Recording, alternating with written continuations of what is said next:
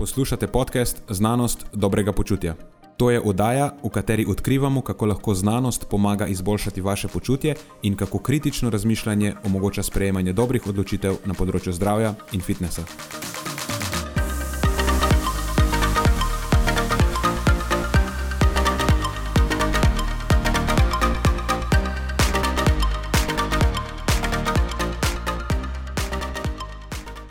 Pozdravljeni, tokrat je na sporedu posebna, ponovoletna in okrogla 40. epizoda. Z vami bomo Nenad, moj sovoditelj Matjaš in najn gost, najn prijatelj, mentor, sodelavec pri Filgut in zame praktično brat od druge matere, Marijo. Celotno epizodo smo posvetili posebnim lekcijam, ki so zaznamovale naše preteklo leto 2020 in za katere upamo, da nam bodo prinesle uspešno leto 2021. Preden začnemo, pa se moram zahvaliti še našim sponzorjem. Zaenkrat to še vedno ni velika korporacija, temveč zvesti poslušalci, ki nam izkazujete zaupanje in podporo s prijavo v našo člansko skupino Znanost dobrega počutja. Hvala vsem, ki s tem držite luči prižgane in omogočate podkastu, da raste in postaja še bolj kakovosten. Hvala tudi vsem, ki nas podpirate s pozitivnimi komentarji in visokimi ocenami, ter s tem, da priporočate podcast svojim znancem in prijateljem. Zdaj pa je končno čas za začetek epizode. Uživajte ob poslušanju.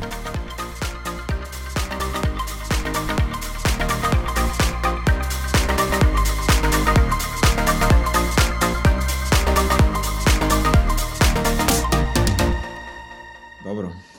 Evo, končno smo se zbrali za to 40. okroglo, ta pravo novoletno epizodo, epizodo lekcij, kaj smo se naučili v prejšnjem letu. Po mojem je bilo prejšnje leto zelo kondusiv za te neke lekcije. Kako je to po slovensko? Primerno. Pri, primerno, ja. Uspodbujalo je učenje lekcij, tako je bilo nenavadno. Mislim, da je vsak od nas se naučil nekaj novega v sebi in v svetu okoli nas. Uh mhm. -huh. Če si ker... bil pripravljen, če si hotel. Tako je, če si hotel. Vidiš, dobro si naredil to. En tak že uvod v mojo prvo lekcijo. Je to zelo pomemben point, če si pripravljen. Drugač pa, Marijo, ti imaš navado vsako leto narediti nek povzetek leta, kaj si se naučil v prejšnjem letu, in so to taki zelo popularni članki. In uh, sem dobil idejo, da bi tudi na podkastu naredili podobno stvar in povzeli v audio obliki vsak od nas prejšnje leto v treh lekcijah, kaj smo se naučili. Ali pa recimo niti ne nujno, kaj smo se naučili prejšnje leto, ampak kaj je mogoče neka stvar, ki bi jo želeli sporočiti ob prehodu v novo leto. To je bila res izvrstna ideja, mi je všeč, da si bil pozoren. Nekaj časa sem imel namreč uh, vtis, da so bili tisti zapisi uh, vsakoletni, a ne na koncu leta, bolj namenjeni lastnemu očiščenju, neki filtraciji misli ali pa integraciji. Um, Tudi s tem osnovi ni nič narobe. Pridobljenih znanj, pa sem rekel, ajde, jih bom dal ven, uh, in potem so dobesedno poleteli sami od sebe. In uh, letos sem kar čutil nek mal pritiska, veš, tako da moram, nisem bil tako priden letos, sem jih sicer ne par sproti izpisoval, ampak nisem še uspel se vsaki posebej zares posvetiti v polnem obsegu. Tako da tudi za ta podcast imam ne par uh, izbranih, ker si me, hvala ti, vnaprej pobaral, da ne, ne se podvizam, da ne bom potem ujet tukaj nepripravljen. Tako da sem vesel in hvaležen za priložnost uh, deliti uh, svoje lekcije po eni strani, in istočasno uh, me veseli biti v situaciji, da lahko prisluhnem tvojim in Matjaževim. Meni se zdi to ena tako zelo koristna navada, da potem neke stvari artikuliraš v ta prave lekcije, ko daš stvar na, ko jih obesediš, ker v glavi lahko imaš neke ideje ki jih sčasoma mogoče tudi pozabiš, ampak enkrat, ki pa te ideje potem ubesediš v nekaj zelo konkretnega, še mogoče najbolj koristno je, če jih dejansko daš na papir, potem šele to postanejo prave lekcije, ne? tudi zate. Kljub temu, da jih mhm. mogoče nekaj časa skladiščiš v glavi, nimajo, oziroma ne bi imele takega učinka, na, ne bi spremenile mogoče spoh tvojega življenja ali pa vplivali na tvoje vedenje, če jih ne bi dal na papir ali pa v besede, ne? da jih nekako um, artikuliraš, da dejansko postanejo nekaj konkretnega, da niso samo tako zelo kako se reče, Abstraktne. abstraktne ideje v tvoji glavi, ja, ki so v bistvu neka megla. Moram reči, da ko si to predlagal, Nenad, da sem se kar prestrašil za sekundah. Veš, da sem sprejel to kot nek tak, eh, tak izziv, mi je bil to na začetku, ampak, eh, ampak super izziv. Tako da upam, da bomo to eh, ohranjali vsako leto. Tukaj sicer obstaja nevarnost, da se zapletemo v neko filozofiranje, ne? Ampak recimo, da se nam to ne bo zgodilo. Kako to misliš, obstaja nevarnost? To se bo zgodilo takoj. A ti veš, koga si povabil na podcast? Pa dobro, sej. Uh, uh, to je še ena pomembna prelomnica podcasta. Ne vem, če ste opazili, ampak Marijo, ti si zdaj prvi ponavljajoči se gost. Returning guest. Tako. To je res neverjetno častno. Drugače sem pa glih prej sem hotel reči, da birds of the flock, kako fly together, ali kako pravijo. Ne? Birds of the same flock fly together. Ja. Ja. Ok, kako bomo mi zdaj to začeli? Kdo bo, kdo bo otvoril z lekcijo? Ja, glede na to, da je Marijo gost, jaz pre, predlagam, da mu prepustiva najprej prvo besedo. Sem ziher. Ja, povej nam, Marijo, kaj je tvoja prva lekcija? Eno zihra poznata, ker o tem smo se um, pogovarjali že večkrat. Uh, za tiste, ki poslušajo to, pa še ne vejo, uh, je očitno, da smo kot ekipa precej povezani in uh, se veliko pogovarjamo. Vsaj uh, to je moja želja, vedno in trud usmerjen uh, k temu, da bi se čim bolj um, skozi diskusijo, skozi iskren pogovor, skozi videnje različnih situacij širila obzorja a, tako moja, kot uh, obzorja uh, drug drugega, seveda. In um, zato verjetno kakšna od mojih lekcij ne bo presenečenje za Matjaža in Nenada. Uh, pa vendar bi začel z enim uvidom, ki pa mogoče bo presenečenje za Nenada. Zakaj? Zato, ker um, sva se načel bom eno debato, ki med nama traja že vrsto let. Tako da zdaj ga bom malo presenetil, to sem hotel na njegovem podkastu. On je tak človek strukture, vedno rad pripravljen in zdaj sem jaz rekel, zdaj pa jaz naredil njemu eno presenečenje. Tako da bom prevzel njegov podcast. Hecam se seveda To ne. mi je že malo, mi je že neudobno. Neugodno. Že, že razmišljam, to je v meni že sprožilo, tako dvigno se mi je kortizol, testosteron, že samo gledam, kako te bom, Ja, Kako me bo skenslil zdaj? kot dva orangutana, veš. Uh, ne, pozitivno je, hec je, seveda ne, uh, nič negativnega ne bo, ampak uh, slušateljem bi rad predstavil zgodovino najne debate o tem, um, obstaja ena ali obstaja neka samo pozitivna stvar. Ne, mi smo iskali, obstaja neka samo pozitivna stvar. Se spomniš, ne, če smo živeli ja. skupaj, obstaja neka stvar ali pri prehrani, ali pri načinu obnašanja, ali neka karakterna lastnost, ki bi res lahko rekli, to je pa samo pozitivno. Ne. Ker nekaj tudi doskrat samo po sebi umevne stvari, ko razmisliš o njih, ugotoviš, da niso zares samo po sebi umevne. Si misliš, da ja, vedno je fajn biti prijazen, pa ugotoviš, da ni vedno fajn biti prijazen. Ne, vedno je fajn. Ne, in sva, koliko smo imeli različnih nekih idej. Na zadnje si ti predstavil eno idejo, ki smo potem skupaj našli argumente proti. No, da skrajšam celo zgodbo, eh, zdaj bom predstavil eno svoj, en svoj uvid, eno svojo idejo, pa bom kar uživo oba vaju povabil um, k dekonstruiranju te moje ideje, če res drži. Razmišljam namreč o tem, ali je optimizem nekaj, kar ima slabo plat. In to govorim kot nekdo, ki ima velike težave s tem. Vsaj v preteklosti je imel zelo velike težave s tem.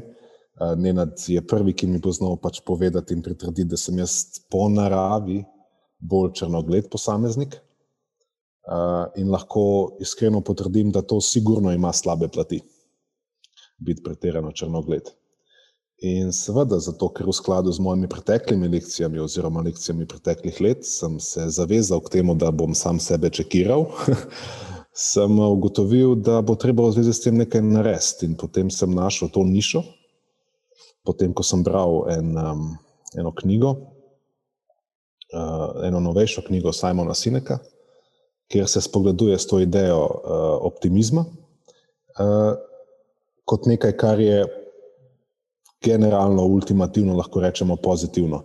Ne govorim seveda o tem, da če si optimist, da to pomeni, da si zatiraš oči pred realnostjo, da ne sprejemaš sedanjosti kot je, da si delaš utvare iluzije in živiš v nekem posebnem mehurčku, kjer je vse lepo in prav, sploh ne, ampak samo verjameš v to, da bo prihodnost pozitivna. Sprašujem se, kaj negativnega to lahko um, pomeni, če sploh, in zato vaju sprašujem, uh, a mislite, da obstaja negativna plat optimizma? Um. To je bila namreč najdaljša pauza, ki jo je Nenad kadarkoli na vseh 40 epizodah. Ne, si vzel. Tako da, evo, to smo si prevoščili. Um, Rekl bi, da obstaja negativna plat tega, ampak si na začetku že naredil opombo, da to ni optimizem, ki bi bil pretiran optimizem, kjer ti siliš v situacije, za katere absolutno nisi dobro opremljen in ti to potem povzroča neko škodo, oziroma da se upečeš. Ne, recimo, da bi bil zdaj jaz eh, pretirano samozavesten, da znam voziti dirkalnik Formule 1 in bi sedel za volan, bi se najbrž ubil. To bi bilo pretirano optimistično z moje strani. Uh -huh. Ampak, ko pa gre za nek uh, zdrav optimizem, potem je to definitivno, oziroma skoraj zihar sem, da je to lahko samo pozitivno. Dejansko Ta tvoja lekcija, oziroma to tvoje vprašanje, je zelo sorodno moji prvi lekciji. Nameraval sem govoriti o tistem konceptu amorfati, pa Aha. še neko izpeljavo iz tega narediti, ker je sploh če to stvar, to je v bistvu ljubezen do svoje usode, na nek način je tak slab prevod tega amorfati. Ne? Ker nekako v bistvu sprejmeš ali pa razmišljaš o svetu tako, da karkoli se ti zgodi ali pa kar se ti je zgodilo, ne more biti slabo. Ni slabo, pa dobro, samo je. In potem ti se na to odzivaš. In če imaš nek optimističen, vse v bistvu to je optimističen pogled na življenje, da karkoli se ti zgodi, je nova priložnost. Edino mi dva smo se o tem pogovarjali, da je neka stvar, ki jo lahko do ekstrema razpotegneš, pa ne, ne more biti negativna. Ne, če optimizem razpotegneš do ekstrema, tako kot sem jaz predstavil na začetku, polje lahko škodljivo. Ja. Ampak. Dodal sem utičnika, ne? ta utičnik ja. je bil. Eh, optimizem pod pogojem, da ne zanikaš uh, sedanjosti. Če pa omenil si eno besedno zvezo, morfati, če smem biti samo uh, malo bolj oseben, to je nekaj, kar um, nakazuje tudi na to, da z neandom v marsičem deliva ljubezen do filozofije in razmišljamo podobno in se zato imamo zato vedno o čem pogovarjati. Ko sva se spoznala z mojo sedanjo punco, z Majo, upam, da mi tega ne zameri, ker to omenjam. Bila sta skupaj na enem potovanju in naenkrat sem jim omenil ravno te dve besedi. Um, prebral sem en odstavek enega zapisa, ki sem ga pripravil za njo, in da skrajšam zgodbo, omenjal sem mi, da ravno zaradi tega koncepta, ki ga bo Nenad predstavil v svoji lekciji, se pravi Amorfati, ki v bistvu v, v, v zelo uh, neposrednem pomenu govori o tem, da posameznika sprejemaš uh, v celoti, na nek način bre, z vsemi negativnimi lastnostmi skupaj, da se me bo zato precej težko znebila. Ne. Da to je bilo takrat in romantično in všeč. In uh, ja, tukaj, ko govorimo o tem optimizmu, um, gre z roko v roki sprejemanje tudi trenutne negativne situacije, a vendarle ne dovoliti oziroma pustiti, da ta spremeni tvoj odnos do prihodnosti. Tako da mislim, da sem zdaj s tem nekim malo, mogoče za koga preveč filozofskim uh, začetkom, vseeno naredil dober uvod, da lahko ne nadaljuje s svojim prvim. Uh, Amorfati. Ja. ja. Ok, cool. Um, v bistvu nisem se namenil govoriti točno o tem konceptu, ampak je ta koncept amorfati pomemben za to, o čem bom govoril, ker je ljubezen do svoje usode. To za me bolj pomeni ljubezen do svoje preteklosti ali pa neko sprejemanje svoje preteklosti. Vidim, da ljudje imajo doskrat težave s svojo preteklostjo. Vsak od nas ima nekaj, kar mu v preteklosti mogoče ni všeč, pa kar bi si želel spremeniti. V praksi vidim, dosti krat mi kdo reče, če bi lahko s tem znanjem se vrnil v preteklost. In se mi zdi, da je to eno tako precej nekoristno fantaziranje, lahko je celo škodljivo fantaziranje. Um, škodljivo v smislu, doseganja nekih prihodnih ciljev. Vidim, da doskrat to govorimo o naših varovancih, ker imam pač nek poglobljen pogled v njihovo razmišljanje, včasih dobim. No. Um, se mi zdi, da je to neka stvar, ki jih pogosto drži nazaj. In če smo čisti iskreni, tudi na sebi lahko vidim, kako je to neko ruminiranje na stvarih, ki so se zgodile, mene v preteklosti držalo nazaj. Um, tako da to, da sprejemamo svojo usodo, se nanaša ne, na neprijetne dele naše zgodovine, ker pač prijetne imamo vsi radi, pa jih načeloma jih ne bi noben spremenjal. Um, no, in poleg tega sem nameraval še raztegniti malo ta koncept in izumiti nek svoj koncept, soroden, ki se mu reče, zdaj me bo kak profesor latinščine, če še obstajajo, najbrž popravil, ampak uh, jaz bi temu rekel amor in komodi ali pa amor gravi. To bi bilo prevedeno kot ljubezen do neudobja ali pa ljubezen do neprijetnosti. Ker to, da mi ne sprejemamo svoje usode, svoje preteklosti, ponavadi izvira ne, iz tega, da dejansko ne sprejemamo nekih neprijetnih, pa neudobnih situacij, ki so se nam zgodile v preteklosti. Um, zdaj, zaradi različnih razlogov, lahko zato, ker se jih srmujemo, ker nam je žal, da smo nekaj storili, ker smo jezni, ne, nek črn madež je to na nas, tako si to stvar uh, predstavljamo. Um, v glavnem, to, da mi ne moremo sprejeti tega iz nekega razloga, pomeni tudi, da eh, nismo sposobni sprejeti enega dela sebe. Pač ta del je naša preteklost, ampak avtomatsko to pomeni, da tudi sebe v trenutni obliki ne moremo sprejeti v celoti. In Zakaj je to problem za doseganje prihodnih ciljev? Zato, ker to v bistvu v nas goji nek odpor do eksperimentiranja, pa delanja napak. In eh, nezadovoljstvo samim seboj in strah pred eh, tem, da boš naredil neko napako, je v bistvu najbolj zagotov način, da samo stagniraš. Ne? Da, da preprečiš si rasti in da si preprečiš uh, napredovati. Na nek način te ta stvar paralizira. In še ena pomembna stvar je na tej točki, da vse to, kar mi trenutno smo, ne, če nekdo reče, če bi to, kar zdaj vem, če bi se s tem lahko vrnil v uh, preteklost, v bistvu to, kar zdaj imaš, je zgrajeno na preteklosti. Ne, in, in večinoma je to zgrajeno na, na neprijetnih izkušnjah iz preteklosti, na nekih neumnostih, ki si jih naredil, na napakah, na spodrsljajih. Um, in zdaj vse prijetne situacije, pa uspehi, pa pohvale, vse to je že fajn. Samo to načeloma niso učne izkušnje, na katerem je tvoje trenutno znanje, pa tvoje trenutno, pač na katerem si zdaj trenuten ti zgrajen. Uh, uspeh sam ni zadosti za rast. In mogoče se komu to sliši paradoksalno, samo v resnici spoh ni paradoksalno, ker obstaja tisti znani rek, ne, zaspal je na lovorikah. pač ja, ker ko dobivaš samo pozitiven feedback, načeloma ti ni treba spremeniti ničesar. Neko ti pa življenje začne dajati negativen feedback, eh, potem pa dobiš direktno informacijo o tem, da nekaj moraš spremeniti. Ne? Če želiš, seveda, da grejo stvari eh, bolj v tisti smeri, v kateri si ti želiš, da bi, da bi šle. In če misliš, da si zdaj boljša verzija sebe kot nekoč, ne? da bi se zdaj lahko vrnil nazaj in spremenil nekaj stvari um, na bolje, v bistvu moraš vedeti, da si boljši zdaj samo zaradi tega vsega sranja, ki se ti je zgodilo v preteklosti. Ne? In če bi spremenil tisto sranje, ki se ti je zgodilo v preteklosti, potem zdaj ti ne bi bil tak, kot si, ne bi imel tega znanja. Tako da tukaj pa res nasta, bi nastal nek eh, paradoks, nek, eh, zlomil bi se čas, če bi to naredil. Ne?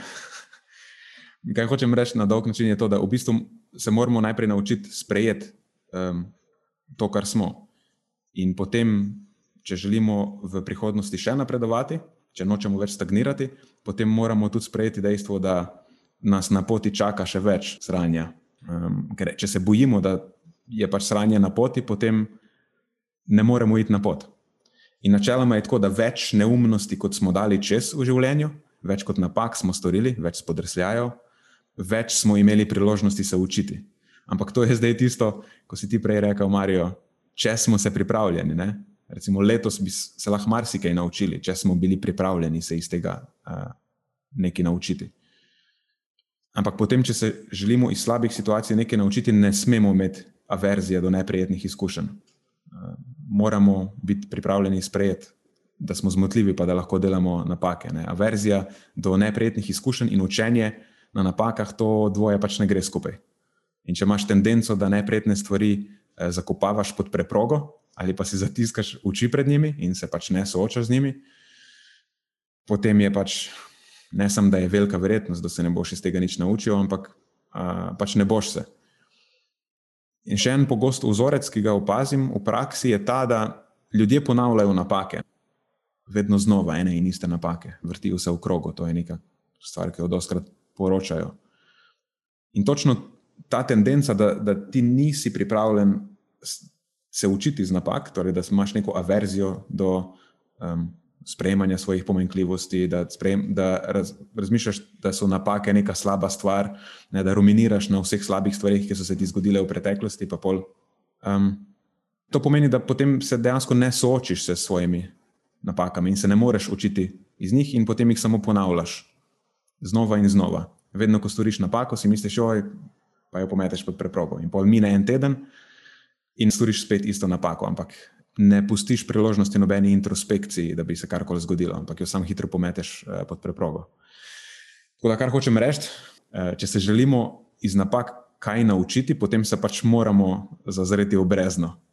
In eh, tako kot sem že povedal, v prvi vrsti to pomeni, da moramo najprej sprejeti, da imamo pomanjkljivosti, da smo delali napake in da bomo delali napake. In potem, ko se sprijazniš s tem, šele potem, ko me lahko čist maksimalno učinkovito se začneš na podlagi nekih izkušenj spremenjati na boljše, zdaj bodi si preteklih ali pa unih, ki bodo še prišle. Zdaj, povedati to je zelo lahko, ampak v praksi je pa precej težko, ne? za marsikoga najbrž tudi strašljivo. Ker če ne bi bilo težko, potem ne bi toliko ljudi imelo problemov s tem, da ponavljajo svoje napake. Um, se mi zdi, da ta stvar zahteva neko posebno vrsto poguma, no? ali pa samozavesti, kaj pa jaz vem. Um, ker mi vsi bi radi verjeli, da smo na nek način posebni, da nimamo napak ali pa da jih delamo manj pogosto, ne? neka taka iluzija. Samo tudi na tej točki nastane težava, ker je, če dejansko to verjameš, si postaviš nek nedosegljiv standard, ki te pa spet paralizira, če ga probaš zasledovati, seveda. Ker če si poseben, pa če si nezmotljiv, pa če si ne smeš privoščiti napak, nekaj je najboljši način, da tega ne narediš. Da pač ničesar ne, ne delaš in ničesar ne spremenjaš v svojem življenju, ne? in pač da sam stagniraš. Potem se ne moreš zmotiti. In prej sem rekel, da moraš pogledati obrezno, se mi zdi, da brezno je tukaj zelo dobra prispodoba. Uh, ker to, kar mi mislimo pri sebi, nekako uh, sliko, ki si ustvarjamo sami v sebi, kakšen karakter mislimo, da imamo, uh, če se vse smo sposobni, to je v bistvu vse neka taka uh, površina, površinska iluzija, je, ki prekriva vso tisto, um, se bom rekel, kar sranje spet, ki je pod, ki je pod to um, iluzijo. Ne, in še posebej, če smo recimo, neizkušeni v življenju, če, ni, eh, če nismo doživeli še nečesa, kar bi res ustvarilo veliko razpoko v tej naši percepciji realnosti, potem je lahko ta iluzija res močna. In si mislimo, da smo nekaj, kar v resnici mi nismo. En, en rek bom zdaj prebral, ki mi je zelo blizu, pa tudi izvira iz te stoične uh, filozofije, uh, kot Amorfati. Seneca je avtor Uh, on pravi, one can handle even a poisonous snake while it is stiff with cold. The poison is not lacking, it is merely numbed into inaction. In the case of many men, their cruelty, ambition, and indulgence only lack the favor of fortune to make them their crimes that would match the worst. Zdaj, najbrž moram to v slovenščino prevesti.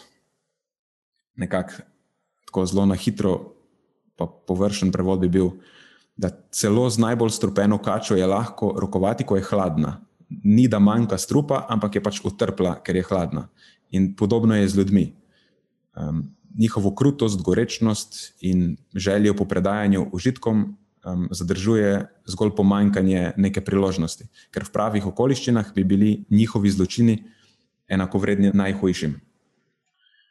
Um, ne, in se mi zdi, da to je velika nevarnost tega, da nismo pripravljeni sprejeti svojih pomanjkljivosti, pa pogledati pod to našo iluzijo, ki jo imamo sami v sebi, ne samo zato, ker nas to ker nam to preprečuje doseganje nekih ciljev, ampak zato, ker nas to lahko res vodi po eni zelo uh, slabi poti. Ne? In to se je letos, recimo, da imamo neko krizno leto, res pokazalo.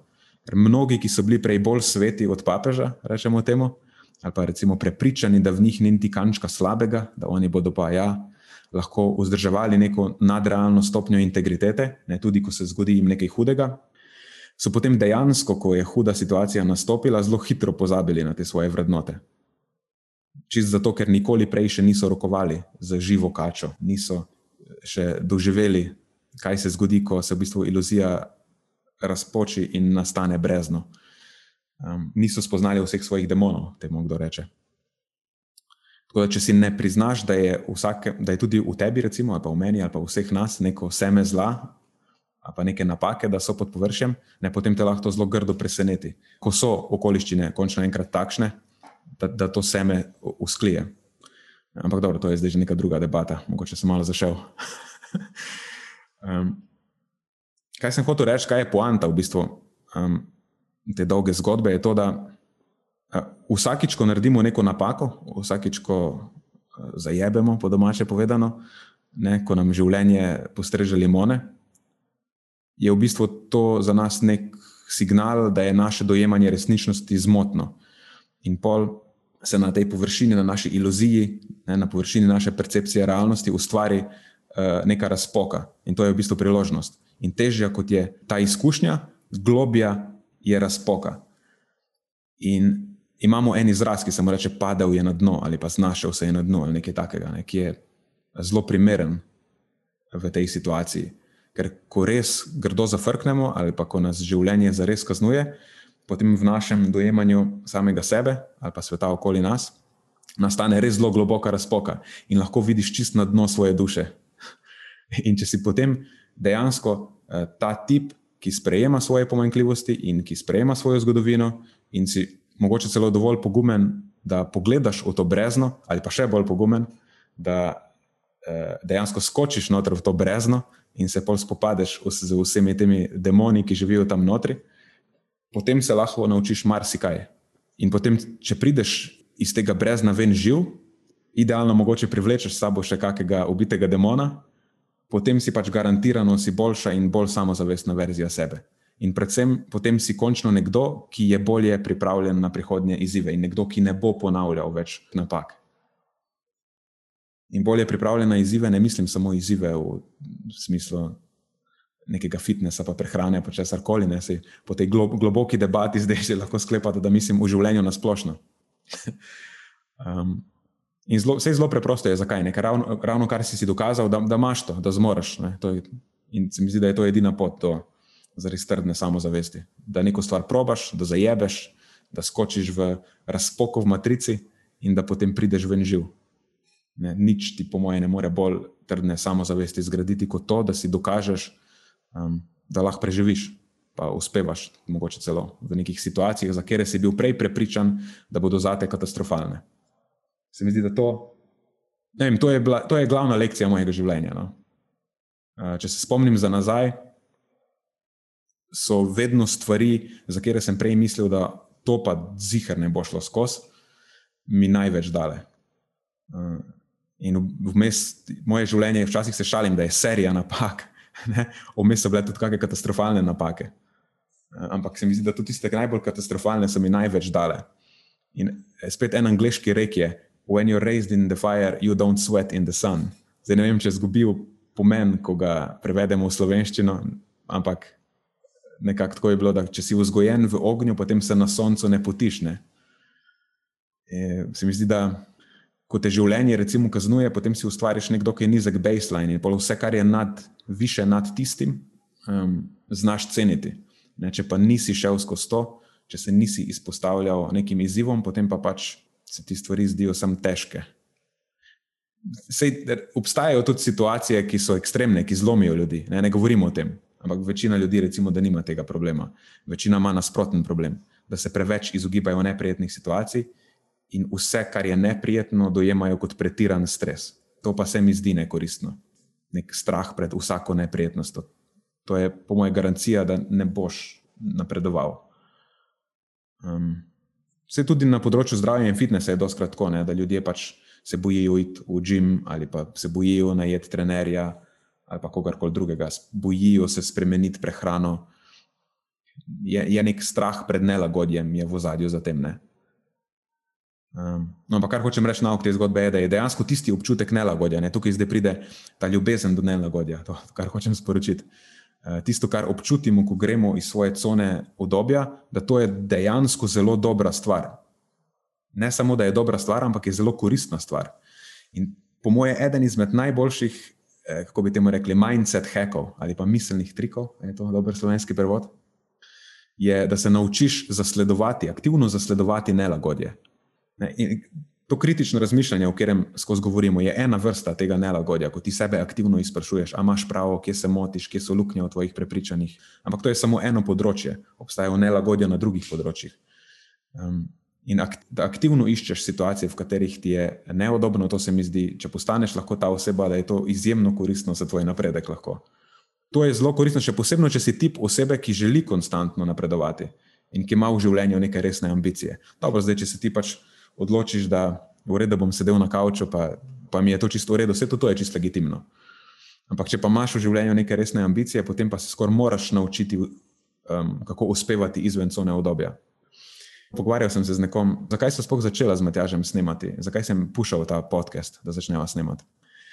Mogoče ima kdo neko tako percepcijo, da sem se jaz ful počutil zdaj poklican, da eh, začnemo o teh stvarih govoriti, pa da imam uh, v sebi mislim, da je to nekaj, kar ful dobro znam delati, pa kakorkoli. To je v bistvu čist kontra od tega. Zakaj smo mi dva začela ta podcast snemati, zakaj sem jaz pušal to idejo, je točno zato, ker sem imel feeling, da je to v nekaj, o čemer sem precej za nič. In vedno, ko sem pomislil na to zadevo, je v meni sprožil občutek nelagodja, občutek nekega nezadostnosti, česar koli. In vedel sem, da bi mi bilo enkrat kasneje v življenju najbrž žal, če ne bi probal tega. Ne glede na to, kako se bo končalo. Se lahko, da bi, bila, da bi bil čist, čist polom, ne? da ne bi prišla niti do 40. epizode ali pa ne vem, niti do 10. pa da bi bilo čist mimo, da bi že prva epizoda uh, propadla. Ampak glih iz tega, to je bil glaven razlog, zakaj sem pušal to idejo, ker mi je bilo zelo neudobno in ker sem se počutil nedorasel temu. Nekako, če pomisliš, meni se zdi pač to zelo koristen mindset hack, da tako življenje dojemaš. Da vsakič, ko se ti pojavi nek občutek, ko ti telo sporoča, da je to mejno riskantna situacija, ne, da pač greš za tem, da se naučiš vzljubiti to. Mm, vedno, ko se pojavi nekaj, kar je na robu tvojih zmožnosti, ko obstaja resna možnost, da ti spodleti, da narediš napako ali pa da se usmešiš, ne, da zajebeš. Mislim, da je to zelo učiten znak, da gre potencialno za zelo koristno situacijo, za neko priložnost po domače. Ne, ker telo pač sproži stresen odziv, da bi te pripravilo na to situacijo, da se lahko bolje boriš z njo. Sploh če je to um, situacija, v kateri se ne nahajaš trenutno, ali pa ki je neka pretekla situacija, ampak je potencijalna priložnost za prihodnost. Ker lažje bi bilo če ne bi tvoji možgani percepirali to kot neke priložnosti za te, da te pač odvrnejo od tega, ne da sprožijo stresen odziv, ampak pač da te, da te zablokirajo, da dobiš nek downer signal.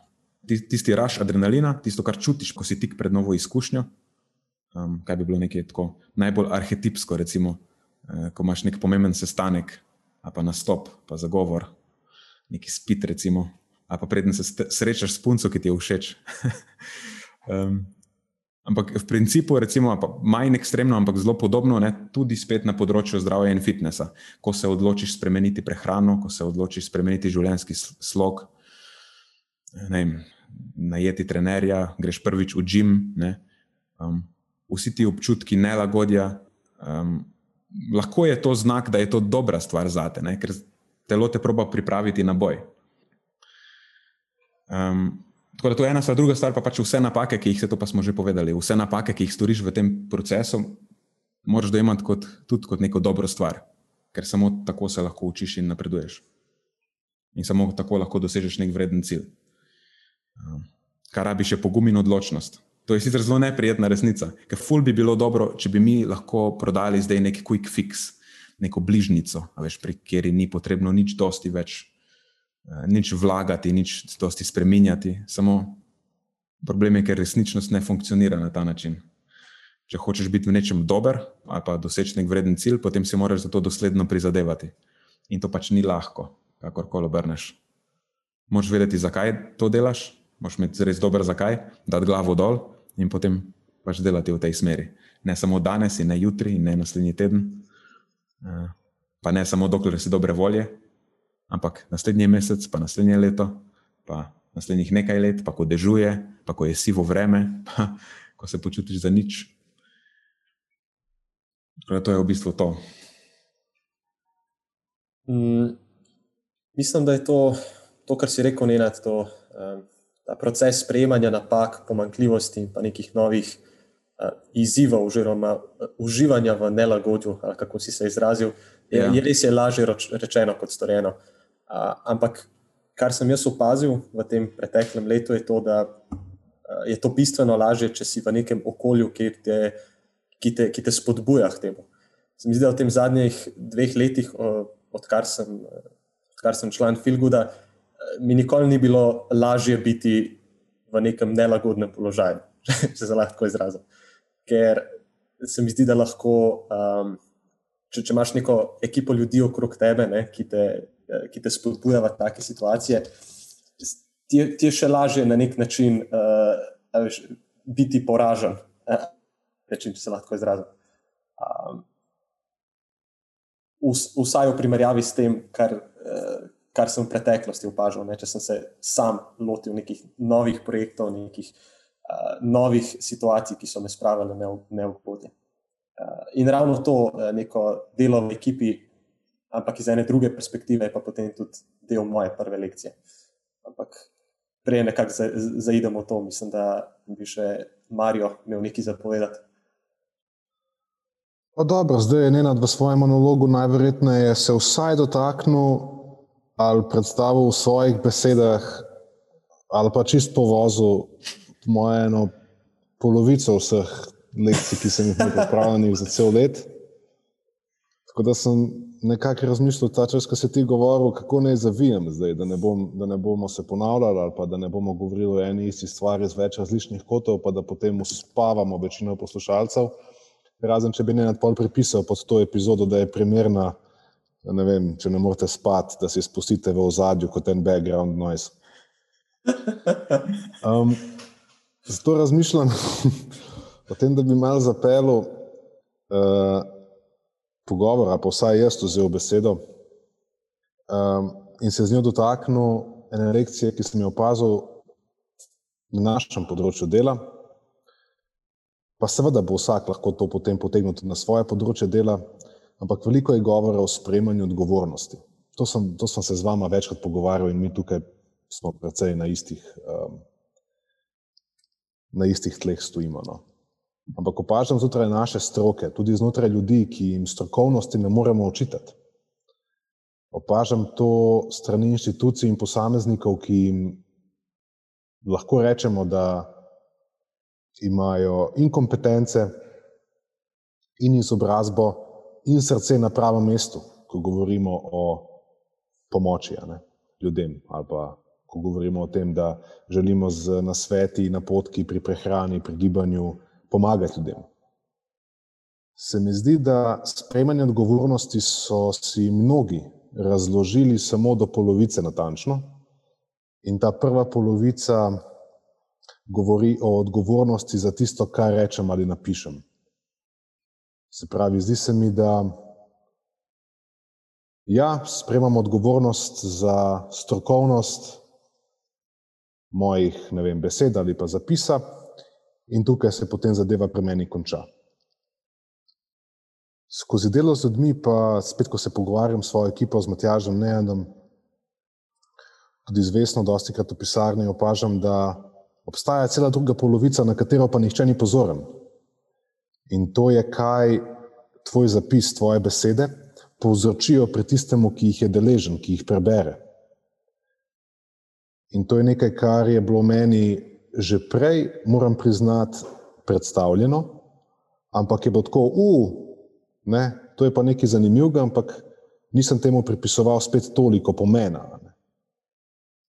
Um, Morda veste, o čem govorim. V smislu, da jaz ti bom povedal, kaj je treba, in vsa moja priporočila bojo strokovna in utemelječa bojo na uh, strokovni literaturi ali pa na informacijah, ki sem jih dobil na faksu, na, na, na izobrazbi in zdaj jaz sem pač ne vem, doktor ne vem česa ali magistr ne vem česa in bom se kakorkoli že. In če, bo, in če si ti nekdo, ki ne uspe mojih ful pametnih priporočil um, prenesti v prakso, tvoj problem. Ali pa če si jih ti prevedeš po svoje, tvoj problem. Ali pa če so dvoumne, pa zavajajoče, ni moj problem. Tako da, ja, imamo posameznike, ki ne sprejemajo nobene odgovornosti. Danes več kot kadarkoli se mi zdi. Sam pražgite TV. Imamo vaše zdravje, naša skrb in ne vem, kakšne še vse oddaje, ker očitno greš lahko na TV in pač lažeš. In to je to. In pač ne morete noben več. In tukaj ni nobene, no, nobene integritete. Potem imamo pa ne, next level, se pravi tisti, ki pač govorijo stvari ne, iz, iz neke pozicije strokovnosti, ampak vseeno vidim, da manjka ta zadnji del, če hočemo res govoriti o tem, da delamo ljudem uslugo ali pa če res želimo jih premakniti, se moramo spustiti na njihov nivo. Eh, moramo se vprašati, kako to, kar jaz govorim ali pišem, razume tisti, ki mu je to namenjeno. Ne, v kakšno, kakšno smer obstaja največja verjetnost, da bo on to informacijo odpeljal, kaj bo z njo naredil. Zdaj, a bomo rekli temu empatija, se pravi postavljanje sebe v tujo pozicijo, ali bomo rekli temu karkoli drugega, ne vem. Ampak zdi se mi, da je to ključnega pomena, če želimo kot strokovnjaki na področju gibanja in prehrane res narediti neko spremembo in ljudi premakniti uh, v smer, v katero želijo iti. O tem smo se, ne, ne na dan Matjaš, zavajali, to nič novega. Ampak mogel sem to izpostaviti, zato ker mogoče bo kaj novega za tiste, ki to poslušajo. Mogoče so med poslušalci tudi um, mlajši prehranski svetovalci, nutricionisti, trenerji, ki vsaj vem zase, da ko sem bil leta nazaj v svoji karieri, sem se znal zatakniti v neke butaste malenkosti, ki so se mi zdele ful pomembne. In kakorkoli sem jih lahko strokovno utemeljil, ne, je to potem zvenelo, ne vem, moraš jesti granilko zato, ker ti bo to pomagalo, ne vem, uh, uravnati ravni estrogena v tvojem telesu, in če boš imel manj estrogena, potem boš ne vem neki. ne? Tako, kaj, pač, pazi, kaj sporočaš, ne samo kaj poveš. To je nekaj, kar je bilo zapisano z moje strani že leta nazaj, ampak se mi zdi, da je v tem času korone, a veš, bilo to tako na steroidih, je bila ta lekcija, veš, res tako eksplodirala nam je vsem v faco. In smo videli, da vsaj jaz no, govorim lahko za sebe, da, da, da je res pomembno, kaj sporočaš. Ne? In, in ne samo, kaj, kaj, kaj poveš ali pa zapišeš. In to, spre, to, to, to sprejemanje odgovornosti za ta drugi del uh, bi izpostavil kot eno stvar, kateri se bom jaz osebno Eh, res poskušal še bolj posvetiti, čeprav mi nekateri že zdaj ne, pravijo, da nam gre vsem to dobro, ampak mislim, da se bomo potem res potrudili še bolj ločiti v prihodnosti in da bo ljudje lahko vedeli, da delamo za res v njihovem najboljšem interesu uh, in da presegamo zgolj ta standard, da veš, sej želim samo pomagati ne, ali pa sej je boljš, kaj nač. To, to, to ni nek zelo visok standard pomoči. Ok, imam še eno na lagerju, ampak to, ko se krok spet obrne. Mislim, da krok, mi dva sta že prišla skoraj dvakrat, okoli Matjaš pa še niti enkrat. Ne bomo zaspali na Lovorikah, to si hotel reči. Da se, kje pa bomo zaspali na Lovorikah, če imamo tebe, dokler bomo imeli tebe, bomo skozi. Laskaš mi. Veš, da mi na tega ne mara. Razen, če boš imel še kakšne take monologe, prijatelj, če boš imel še kakšne take monologe, potem mogoče uspemo zaspati, ampak ne na Lovorikah, na čem drugim. hecam se, hecam se. Matjaž, zdaj prosim, razsvetli nas še ti. Uh, ja, no, vse v bistvu prej sem že nekako načel to temo uh, dela v ekipi, um, ampak uh, da, da to moče malo razširim. No, spravi, že nekaj časa nazaj sem prišel do spoznanja, da je delo v ekipi nekaj, kar je meni osebno bolj pisano na kožo. Uh, se mi zdi, da se na ta način da mm, več doseči, da lahko spelješ neke projekte bolj kakovostno, lahko dosežeš več ljudi, imaš večji impact. Predvsem pa to, da je to nek boljši način neke osebnostne, pa tudi profesionalne rasti. Seveda pod predpostavko, da se nekako obdaš s pravimi ljudmi, ne, ki te vlečejo v pravo smer, te znajo opozarjati na napake, ki jih delaš, in tako naprej. Ampak to ni ta lekcija, o kateri sem želel govoriti, to je samo osnova za to lekcijo, do katere sem prišel letos. In sicer, da potem, ko enkrat prideš do take situacije, ko se obdaš z nekim takim krogom ljudi, oziroma s tako ekipo, da na nek način ne ostaneš. Um, intimidated znotraj te ekipe, na nek način paraliziran, če se lahko tako izrazim. Zato, ker če si bil sprejet v tako okolje, potem to očitno pomeni, da so drugi prepoznali neko tvojo vrednoto, nek tvoj nabor sposobnosti, ki jih doprineseš celotni ekipi. In mogoče je bila ta lekcija, da je to nekaj, kar se zdi uh, povsem jasno, pa tudi meni v osnovi je, ampak iskreno na začetku, ko sem se pridružil ekipi Feel Good, kar je mimo grede ena izmed najboljših odločitev, kadarkoli, mi ni bilo najlažje. Ne? Mislim, poleg sebe imam dve zakladnici praktičnega in teoretičnega znanja v obliki mojih uh, sogovorcev. In uh, težko, se, tež, težko se je bilo nekako znajti v takem okolju. Ne? Na nek način sem imel ta imposter sindrom, o čemer mislim, da se bo ne nad znal še bolje poistovetiti. Uh, ampak če potegnemo črto, moja prva lekcija bi bila, da se poskušaš nekako obdati z ljudmi z neko podobno misijo, nekim podobnim ciljem. In to idealno s, tako, s takimi ljudmi, ki te eh, čekirajo, po domače povedano, te, te vlečejo v pravo smer, te znajo opozarjati na tvoje napake. Ampak potem, ko se znajdeš v nekem takem okolju, to ni dovolj. Ne? Potem moraš ostati proaktiven znotraj take ekipe. Ne moraš verjeti v svoje sposobnosti in sočasno tudi ostati še vedno uh, učljiv na nek način. Kako lepo, Matjaš. Pohvalno je, ful, vmes. Res. In to najo, ki res nismo vajeni. Ja, pa ki ne marava, glih pohval ja. najbolj. zato sem pa to rekel, zato da vas spravim v zadrego. ja, spoh ta imposter sindrom je tako zelo neugodna stvar. Bolj kot te ljudje hvalijo, slabši občutek imaš, um, če si nagnjen v to smer. Ja, definitivno. Ja, je pa spet ena izmed tistih stvari, ne, ki te držijo nazaj. Ja, na nek način se nanaša. Na, v principu na je dosti podobno. Ja. Bojiš se, da bi te razkrinkali dejansko, ne. bojiš se, da bi storil napako. Ok, torej prvi krok je sklenjen. Oziroma, mi dva imamo, Marijo, že dve v dobrem. Vidva imata dve, ja, dve štepilki, imata vidva. Lahko zdaj nadoknadiš, nadoknadiš drugo. Ok, v redu, če sem, če sem se že zalaufal. Ja. Um, dobro, moja, moja druga lekcija pa prihaja iz ene odlične knjige, ki jo sicer poznam že vrsto let, ampak sem se šele lani dejansko spravil brati, zahvale grejo Marijo tukaj. To je pa knjiga z naslovom Resilience od Erika Grajtenca. In sicer ta lekcija gre v smeri, nekaj v tej smeri, no, da, da nisi slab človek, če čutiš neke slabe, neke negativne misli, zato ker čutiti je človeško, ampak kako pa potem ti odreagiraš na to in kaj potem posledično pokažeš na vzven svojim bližnjim, to je tisto, kar rešteje. Torej, ne vem, karikiram. Prideš domov po celodnevnem šihtu in si zelo utrujen, pod stresom, in se potem spičiš ne svojim bližnjim, svojo punco, fantom, žena, mož, kakorkoli že. In to zaradi neke neumnosti. Ne? Mislim, da bi se lahko vsi eh, poistovetili s to situacijo. Eh, zdaj, Marijo in Nenad, mislim, da se mi boste malo nasmejali, ker mogoče ni videti, da sem nekdo, ki kaže preveč nekih takih negativnih čustev na vzven, ker sem bolj kot ne vedno nasmejan, pa dobre volje.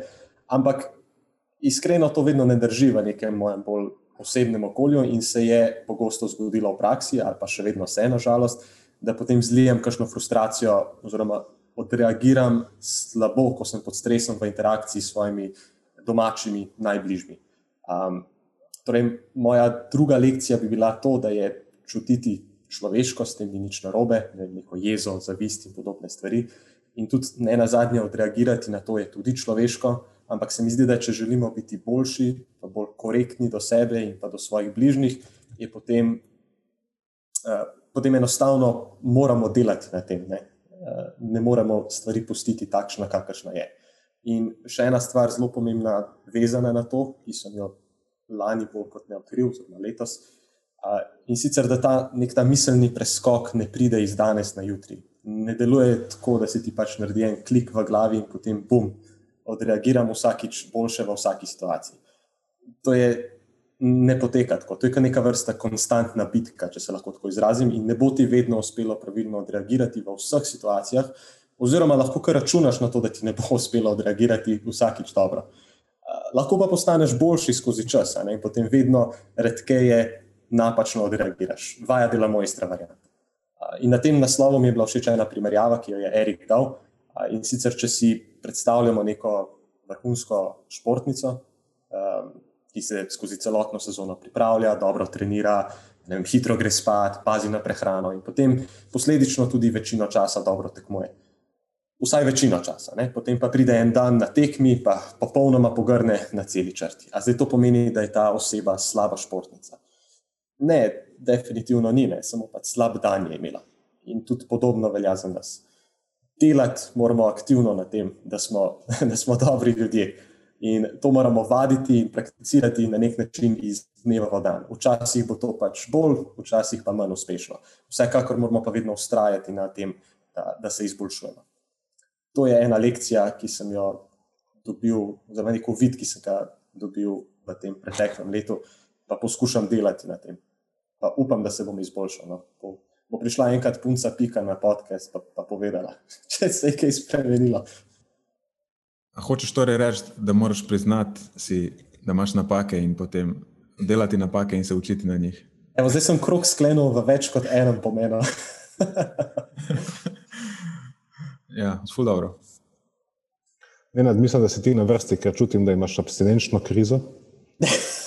Zdaj sva šla jaz, pa Matjaš, pa jaz, pa Matjaš, zdaj pa mislim, da ti moramo dati besedo. Misliš? Ja, čutim, čutim. Pa dobro, lahko. Jaz imam v bistvu eno zelo kratko zdaj.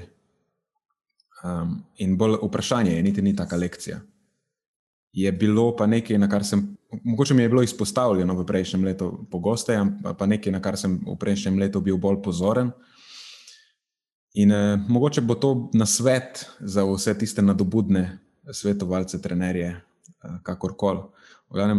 Se mi zdi, da je ključno, če delaš v poslu, kjer hočeš pomagati ljudem, se moraš vprašati, ali si tukaj zato, ker želiš pomagati ljudem, ali si tukaj zato, ker želiš ugajati ljudem ker to sta dve zelo različni stvari.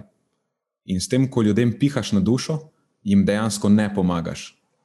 Če si v poslu pomaganja ljudem, potem jih moraš soočiti z njihovimi pomanjkljivostmi, eh, pač z nečim, kar jih ovira na poti do njihovih ciljev. Ker če teh pomanjkljivosti oni ne bi imeli, potem bi že bili na cilju, ne bi tebe potrebovali, potem bi jim lahko ti pihal na dušo. Zdaj pa jim dejansko moraš ponuditi na svet in podporo, da postanejo boljši ljudje. Ker to, da jim mečeš pesek v oči, jim absolutno ne pomaga. To je sicer najbolj udobno, ker dokler jim pač ogajaš, dokler jim rečeš, ja, ja, vse je dobro, tako naprej, super, high five, se ti ne bodo se ti upirali. In sam po drugi strani ne bodo niti napredovali. Zdaj to se lahko navezuje na naše varovance, lahko se pa navezuje tudi na naše kolege, ko si recimo ne upamo izpostaviti pomanjkljivosti svojih kolegov, ker se bojimo, da jih bomo nekako razočarali ali kakorkoli. Ne? V bistvu um, stvar je ta, da se to je problem. Da izpostavljanje pomanjkljivosti, tudi če je zelo dobro namerno, zahteva precej neke samozavesti. A veš, ono, ker nekdo eh, svojemu kolegu ne upa povedati, da ima nekaj med zobmi, ali pa recimo, da je, da je umazano okoli ust ne? in ga raje pusti, da se dela bedaka iz sebe cel dan. No, to. Če sta zdaj prijatelja ali pa recimo, da, da mu želi dobro, ne, zakaj mu ni povedal, da je umazan okoli ust, kot se pogosto zgodi? Ne, ker je to bilo udobno za njega in ker ni bil zadosti samozavesten v tisti situaciji, da bi mu to povedal. Ne, tega ni naredil eh, zato, da bi njemu prihranil kako muko, ker v bistvu je, je delala se oseba ta potem bedaka iz sebe cel dan, nič mu ni bilo prihranjeno. Um, ampak to je naredil zase, ne, na njegov račun.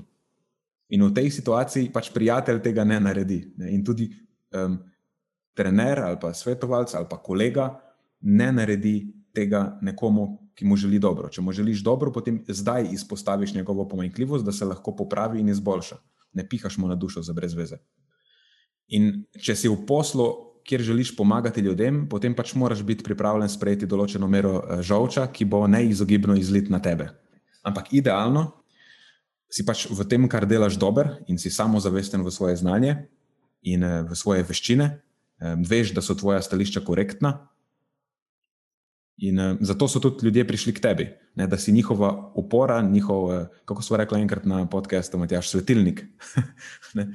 Ker vejo, da tudi če ti servirajo neumnosti, jih boš umirjeno in korektno popravil in napotil v pravi smeri. To od tebe pričakujejo. Ne da pridejo k tebi z nekimi čudnimi idejami in jim rečeš, ja, se je v redu, kakorkoli, ali pa, eh, pač ne dosegajo nekih stvari, za katere ste se zmenili, pa ja, bomo pa bomo pol naslednji teden mogoče pa. Eh, in enako je recimo s kolegi, s katerimi sodelujemo. Pač, če pove neumnost, pa ga vprašaš, ne? se ga ne rabiš javno prebiti na križ, ne? razen če si to zasluži. Ampak ga pač vprašaš, ne? zakaj pa misliš, zakaj si pa to napisal. To se meni zdi zelo čudno, a mi lahko to nekako, ne? se čist kolegijalno. Ampak doskrat se to ne zgodi. In imel sem par takih situacij v prejšnjem letu, Eh, kjer je bilo uči, učitno opaziti to neko um, masturbacijo preko družbenih medijev, pač realno me ta stvar moti, ko, ko razni influencerji napišejo neko pač sam bederijo um, in potem eden drugemu to delijo. Kljub temu, da nekdo deli neko stvar, za katero ve, da ni točna, samo zato, da bi ugajal unemu svojemu uh, kolegu. In pol ga dejansko vprašaš, okay, zakaj si delil to, če veš, da ni korektno. Uh, in pol dobiš nazaj odgovor. Ja, če pa je bil tako prijazen, ker je on predvčerajšnjim delil moje. Ja, ok, v redu, mislim, tvoje je delil, ker je bil dober post. Zakaj se zdaj ti počutiš dolžno vračati in širiti njegove neumnosti? Mislim, to ni način, da pomagaš ljudem. In mislim, da se tudi navezuje na to, kar si ti prej govoril, Marijo, da je neka oblika potem še odgovornosti. Um, tudi v tem, kako širiš besede drugih ljudi, pa s kom sodeluješ, pa tako naprej, s kom te ljudje povezujejo. Um, v glavnem, kar, da ne bom spet dolg, da me bo spet marijo. v glavnem, koči pa komunikatorji tukaj nismo zato, da ugajamo ljudem, okay? nismo klovni, ampak smo tukaj zato, da pomagamo ljudem. In pomagamo jim lahko samo tako, da izpostavimo njihove pomanjkljivosti. Zdaj, valjda je važno, kako se to naredi, pa maksimalno korektno mora biti upoštevati je treba, da ljudje ne marajo, da se izpostavljajo načeloma njihove, um, njihove pomanjkljivosti. In potem to neizogibno pride skupaj s tem, da bodo pač včasih malo jezni na nas. In če nisi pripravljen sprejeti, da bo nekdo, ki mu želiš dobro, malo jezen na te, potem si v napačnem poslu in dejansko obstaja možnost, da delaš več škode v tem poslu. Eh, s tem nekim, s to neko željo po ugajanju vsem. In na to se tudi navezuje tisti citat iz, iz prejšnje epizode. Ne? Da si želimo, uh, da ljudje nam dajo svoje zaupanje, ne svojo ljubezen. Ker to je tisto, kar je vredno, če si v tem poslu. Da ti zaupajo, ne da te imajo radi. Samo ena malenkost, ne, ta citat ni iz prejšnje epizode, iz naslednje epizode. Imáš prav, ja, se pravi. Preteklo smo šli. Ja, ja, iz naslednje epizode. To je citat iz Good Catch, Matjaš, res vsaka čast. Dobro, sem še jaz na vrsti. Tako je. Jaz sem dobil otvoritveno in zaključno. Ne, ne Matjaš imaš še eno. Pa, ne, Matjaš pove zdaj, pa pol lahko ti zaključiš. A, ok. okay. Ajde, Matjaš. Um, ok, zdaj moja tretja lekcija je malo bolj lahka, ampak vseeno izjemno pomembna.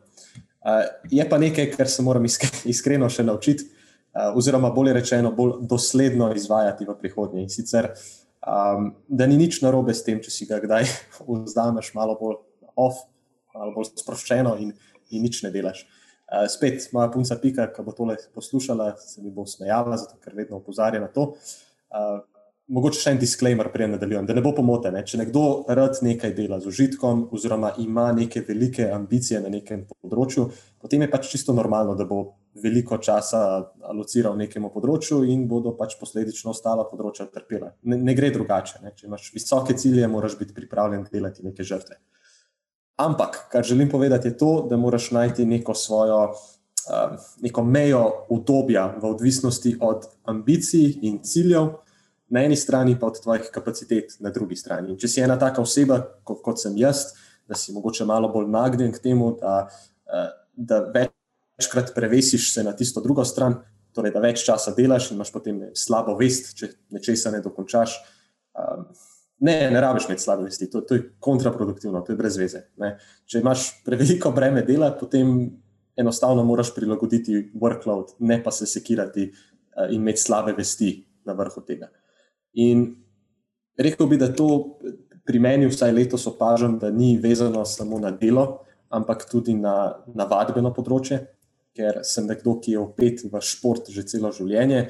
In včasih si nisem predstavljal obdobja, da ne bi enega dneva preživel vsaj z neko obliko telesne aktivnosti, ker se mi je sicer zdelo, da bom vem, nazadoval ali pa ne bom potem dobro skledal, tako kot bi sicer. Ampak, seveda, brez veze, ne? končno sem prišel do tega spoznanja, katerega sem spet globoko v sebi imel že dolgo časa, ampak nikoli za res prakticiral. In sicer to, da osnovni namen tega športa nekako ni, da mi prevzame življenje, ampak da samo, samo predstavlja nek koristen dodatek k mojemu življenju. Razen, če si vrhunski športnik, pa je seveda zgodba nekoliko drugačna. In ja, zadnje čase moram reči, da treniram daleč najmanj, kar sem v življenju, ampak za čuda nekako najbolj uživam v tem procesu. In, uh, Skratka, če nekako potegnem črto. Um, lahko si ga kdaj vzamemo malo na off. to, je, to je moja malo bolj sproščena tretja lekcija, ampak vsem se mi zdi izjemno, izjemno pomembna. Tako da upam, da jo bom malo bolj dosledno prakticiral v letu 2021. Čutim se osebno napaden. Uh, zaradi tega dela, da, te, ja. da si preveč aktiven. Imam čutek, da je to name letelo. ne, ne, da, ja, to je vse name letelo, iskreno. Šalim se. Neka, nekaj, kar se nabira potem skozi leta, potem končno mogoče priješ do nekega spoznanja. Ali pa bolje rečeno, končno ga probiš začeti malo bolj prakticirati v praksi. Marijo, imaš kaj dodati? Imam.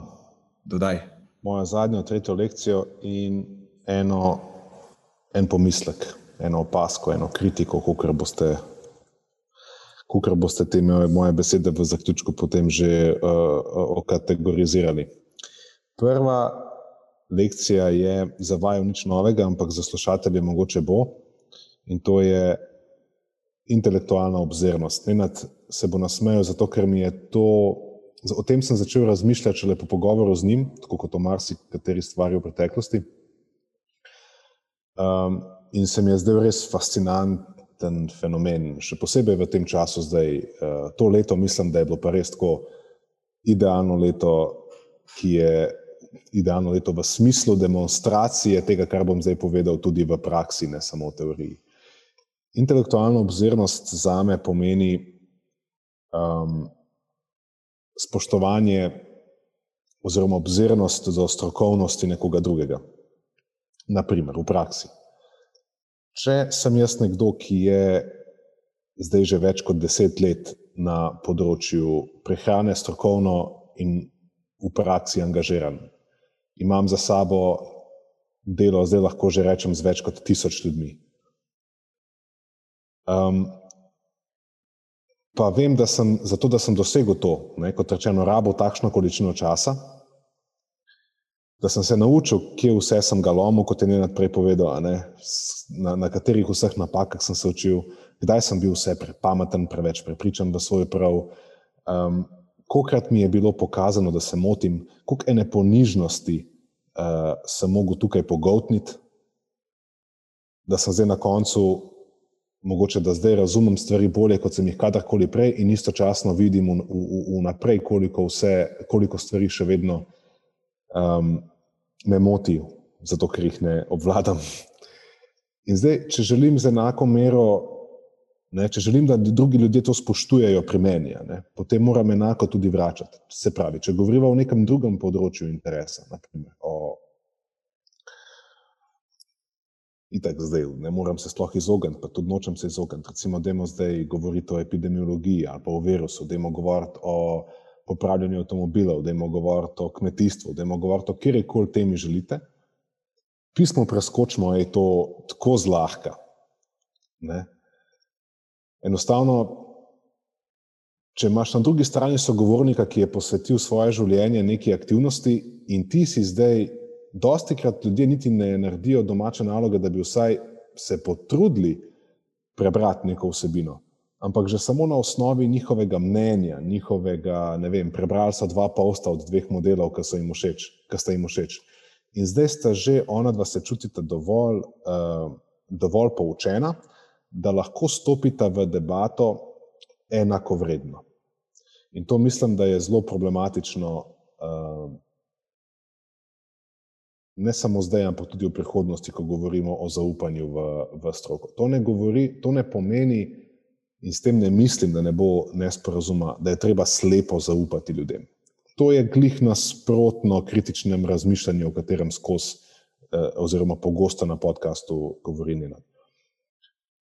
Govorimo o tem, samo o tem, da stopiš v debato za neko mero ponižnosti, če je ta debata na področju, kateremu nisi posvečen.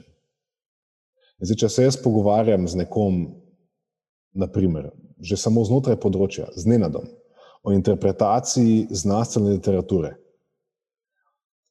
Glede na to, da obvlada stvari, kot jih obvlada, da je poučen o tem bistveno bolj kot jaz in jaz se tega zavedam. Tudi če se z nečim, kar on govori, ne strinjam, ne morem jaz, ali pa da ne razumem, ne morem vstopiti v to debato, kot da sva na tej poziciji, na, o tej temi, mi dva zdaj, ker je enakovredna sogovornika. Lahko vstopim v to debato z vprašanji, ampak ne morem jaz njemu pamet soditi zdaj. Če govorimo o področju športne prehrane, ja, imam izkušnje dela športniki, res je. Ampak Matjaž je posvetil večji del svojega študija razumevanju prehrane športnika. Zdaj, če imam jaz neko, ne, neko stališče do neke teme, če se z njim o nečem pogovarjam, potem stopim v to debato z neke pozicije um, spet interesa, zanimanja, postavljanja vprašanj. To ne pomeni, da sem jaz ne, mal kaj manj vreden ali pa da moja pozicija ni validna ali pa da sem neumen.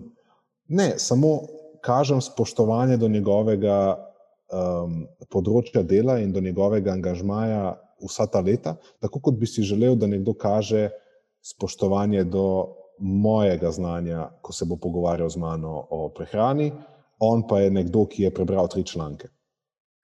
Da mislim, da smo tukaj povozili v tem trenutku vse meje zdravega razuma in zdravega okusa, in da zdaj spet, no, jaz se trudim skladno z mojo prvo lekcijo, ostajati optimist, zavedam se kritične situacije, ki, v kateri se nahajamo, in gledam v perspektivo, kaj jaz lahko naredim, da uh, pripomorem k izboljšavam. Ampak mislim, da nas čaka kar precej zahtevno delo, um, ker tole je kar, kar kriza. Ker danes smo nekako v situaciji, da v določenih temah enostavno ne moreš uh, več uh, debatirati. Uh, z Matjažem sem se pogovarjal, glih po naključju danes o tem, je rekel neko zelo zanimivo stvar. Um, in namreč to, da se mu zdi, da smo postali tako površni, um, da enostavno nimamo več sposobnosti komunikacije, neke zaresne, globoke komunikacije, niti ne preživljamo časa sami sabo, ne posvečamo se nekim težjim vprašanjem, ne razmišljamo za res o ničemer, Uh, vsako sekundo dneva si zapolnimo z neko plehkostjo, um, privlačijo nas enostavne stvari, uh, lahkotne teme, lahkotni filmi. Niti filmi, pazi več, ne koliko serije, pazi Netflix, milijon serij, pet filmov.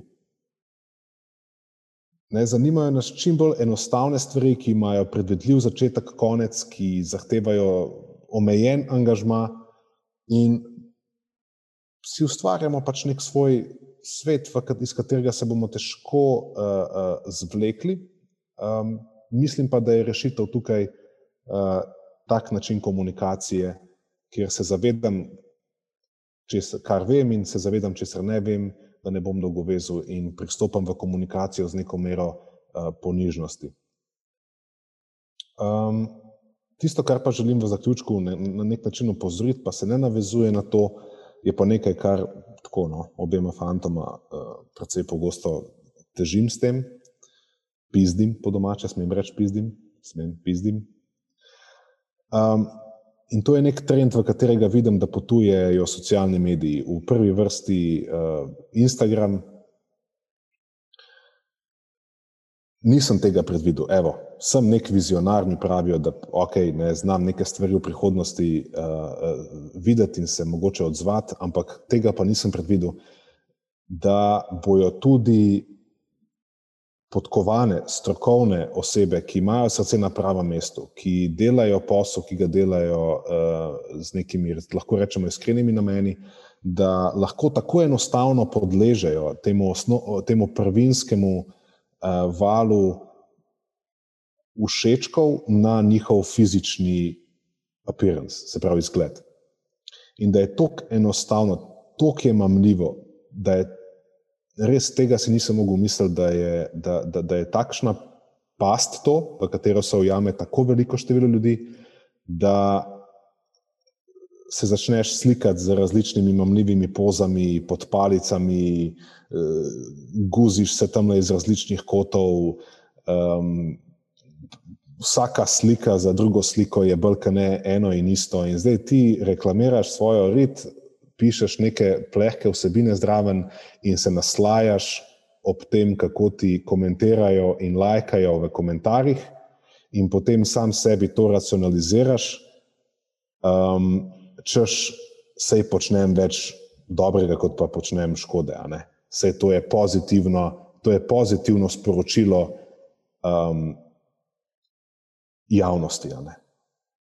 No, ni. Zdaj, pač ni. In zdaj lahko se pogovarjamo o tem, lahko odpremo novo temo za podcast v prihodnosti. Ne bi želel o tem razpredati, ne bi želel, da to postane pač nek, eh, nek zdaj moj monolog. Da bom zaključil samo tukaj in s tem, da vas vabim k razmisleku o tem početju. In če res želimo, da postane Instagram in drugi socialni mediji pač nek kot tone zadnje strani, če se spomnite, če ste dovolj stari Salomonovega oglasnika, ki smo ga prelistali, samo zato, da smo videli tam one ponudbe za seks oglase. In to se mi zdi, da Instagram postaja. Scrollamo feed Instagrama, da gledamo seks oglase. Zelo kontroverzen zaključek, Marijo. Ja, dobro. če, si ti, če si oseba, ki želi ugajati, ne pomagati, pač je to prava pot. Ja, ampak to je zdaj ugajanje, komu te sprašujem? Ker zdi se mi, da je tukaj ugajanje usmerjeno sebi. Tebi je všeč, da ti lajkajo, tebi je všeč, da se naslajajo. Se, to, je, to je motivacija za to. Mislim, če želiš ugajati ljudem, vse zakaj jim želiš ugajati? Ne? Zato, da bi dobil pozitiven feedback od njih. Ker če jim ne ugajaš in jih opozarjaš na njihove pomanjkljivosti, ja. dobivaš negativen feedback. Dobro, jaz verjamem, da so eni ljudje, ki samo želijo osrečiti druge ljudi. Ta, to, da imajo oni nekaj od tega, je sekundarnega pomena. Poznam nekaj ljudi, ki enostavno je ta moč ugajanja drugim na račun svoje lastne žrtve primarnega pomena. Tukaj pa mislim, da gre za kontro. Mislim, da je primaren namen tukaj dejansko nas, ne, uživanje v tem, da se drugi naslajajo nad tabo. In je to, a jaz pomagam drugim ali ne, v bistvu sekundarnega pomena. In sem si ustvaril zdaj nek pogled na to celotno situacijo, tako izprijem pogled, kjer je to zdaj ok. Dobra hipoteza, to je zdaj že malo pregloboko za me. Okay. Ne bi želel. Zdaj, zdaj je Mike drop, veš, nima. ne, ne bi želel sklepati o motivacijah uh, drugih ljudi. Ja. Vidim pa, kako je to, tako kot si povedal, lepo uh, problematično. In, uh... Jaz od nekdaj nisem imel težave s to nenadovo lekcijo, da me ljudje nimajo radi. Jaz sem mogel iti v kontro, mene so ljudje. Jaz sem si nakopil zelo veliko težav s tem, ker nisem znal pravilno komunicirati in sem želel ljudem bolj dobro, kot pa sem želel, da me imajo radi, ampak sem šel doskrat predaleč in sem bil surovo iskren. Komunikacija je pomembna. Pa tudi to, kar je rekel Nenad, se mi zdi, da je treba dobro znati mhm. prevesti. Ni zdaj point, a veš, nabiranje sovražnikov in, in skrivanje za fasado brutalne iskrenosti. V smislu, hej, jaz sem pač iskren, a ti všeč ali ti ni. To ni, to ni prava pot. Ne? Uh, pa ne bi zdaj več. Ne, sej, absolutno, to je res. Absolutno. Sem probal tudi opozoriti na dvakrat vmes. Si. Da, uh, jaz sem imel težavo s tem in, in uh, kot vidite, tudi s temi mojimi ne, nagovori, ni glih tako, da poskušam biti ljudem, mi je glih vse en, če se komu zameram s tem. Um, se mi zdi pa, da je pomembno neke stvari dati iskreno in odprto na mizo in se o tem pogovarjati. Jaz ne obsojam nikogar, samo opozarjam na problem. In tako kot opozarjam na ta problem, lahko mirne, mirne vesti vržem na mizo sedem neumnosti, ki sem jih jaz počel v preteklosti. In me ni sram priznati nobene od njih. In bi mi bilo mogoče celo všeč, če bi nekdo pokazal meni, kaj sem delal na robe. Oziroma mi je, ne nad, ko sem ga spoznal, kot prvi, ki mu je pač bilo vse en, uh, um, mi povedati nazaj nekaj stvari. Uh, Ampak lahko si na tak način pomagamo. No? In mislim, da to, da se zgražamo potihoma nad dejanji drugih, um, ne vodi tja, kamor želimo iti, oziroma v neko situacijo nove realnosti, v kateri želimo živeti. Točno tako. Nič od tega ni bilo slabo namerno ali kakorkoli. Um, v bistvu je to naš klic, k, kako bi temu rekli.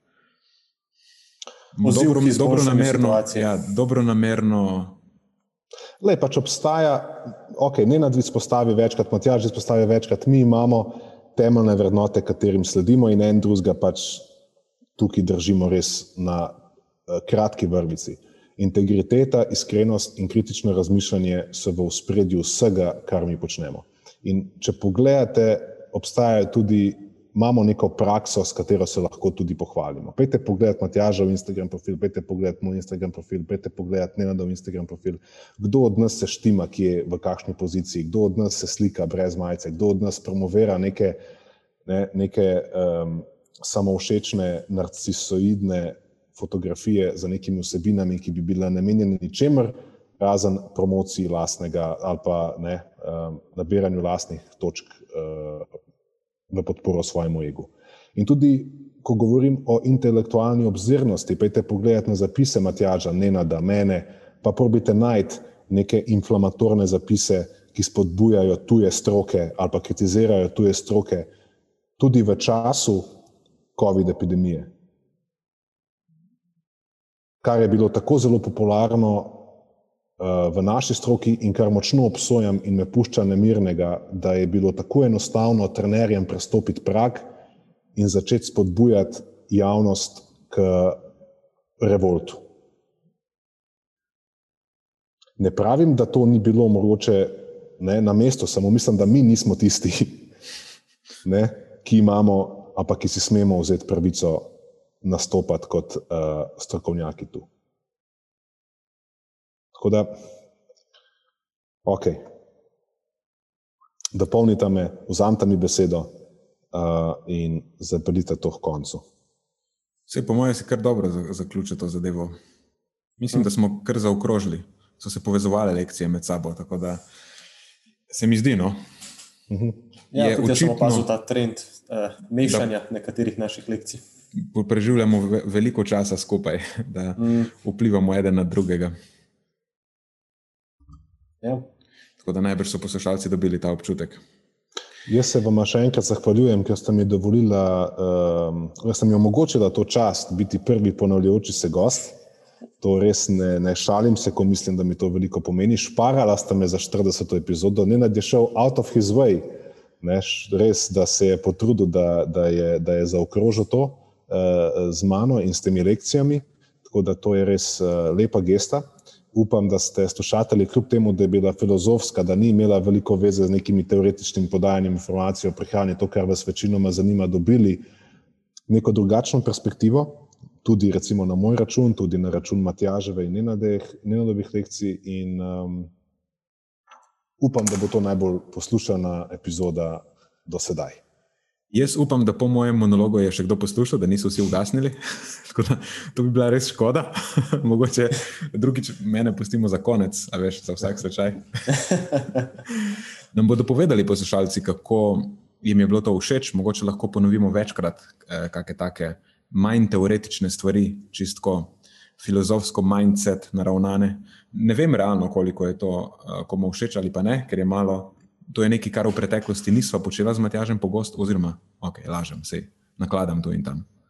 Um, tako da ni čist, da, ni čist, da niso vajeni. Uh, ampak tako, cela epizoda ni bila pa nikoli zapakirana še v, v tak format. Tako da, če je to nekaj, kar vam je všeč, potem nam povejte. Če je to nekaj, kar vam ni všeč, pol nam absolutno povejte, jaz komaj čakam. Uh, ene zvezdice še zmeraj nismo dobili, revije nam lahko dajete še naprej, to je nekaj, kar očitno podcastu pomaga. Jaz bom dobil vseh eno zvezdico od kakšnih ritastih Instagramov. Vse to je pol naša ena zvezdica, si jo, ja, bomo, okay, si jo bomo delili. Vsak tretjino. Da, ja, usrečite nas, prosim. In to je to, ja, hvala vam, fanta, res je bilo zanimivo, tudi ena daljših epizod bo to. Vsaj meni je bilo zanimivo. No? Ja. Definitivno, meni tudi se pridružujem vajnim besedam, hvala vam uh, in se slišimo naslednjič. Tako je, se slišimo. Ajde. Dio.